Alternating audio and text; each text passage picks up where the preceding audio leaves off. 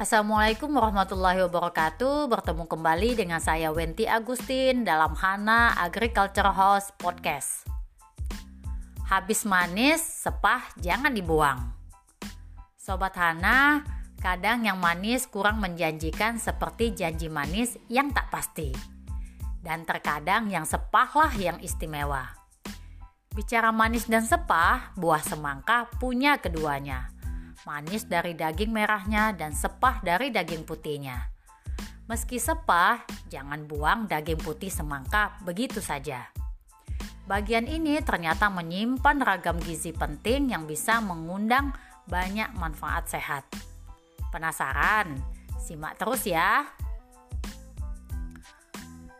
Habis manis, sepah dibuang tidak berlaku pada buah semangka ya Sobat Hana.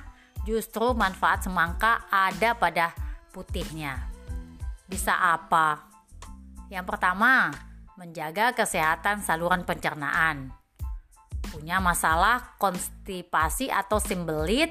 Cobalah untuk mengkonsumsi daging putih semangka secara rutin dan teratur. Dua, meningkatkan daya tahan tubuh. Daging putih semangka memiliki kandungan vitamin A, C, potasium, dan antioksida. Yang ketiga, menjaga kesehatan kulit. Ingin kulit sehat dan tampak lebih awet muda? Cobalah untuk mengkonsumsi daging putih semangka secara rutin dan teratur. Selain manfaat yang sudah disebutkan, masih banyak manfaat dari daging putih semangka.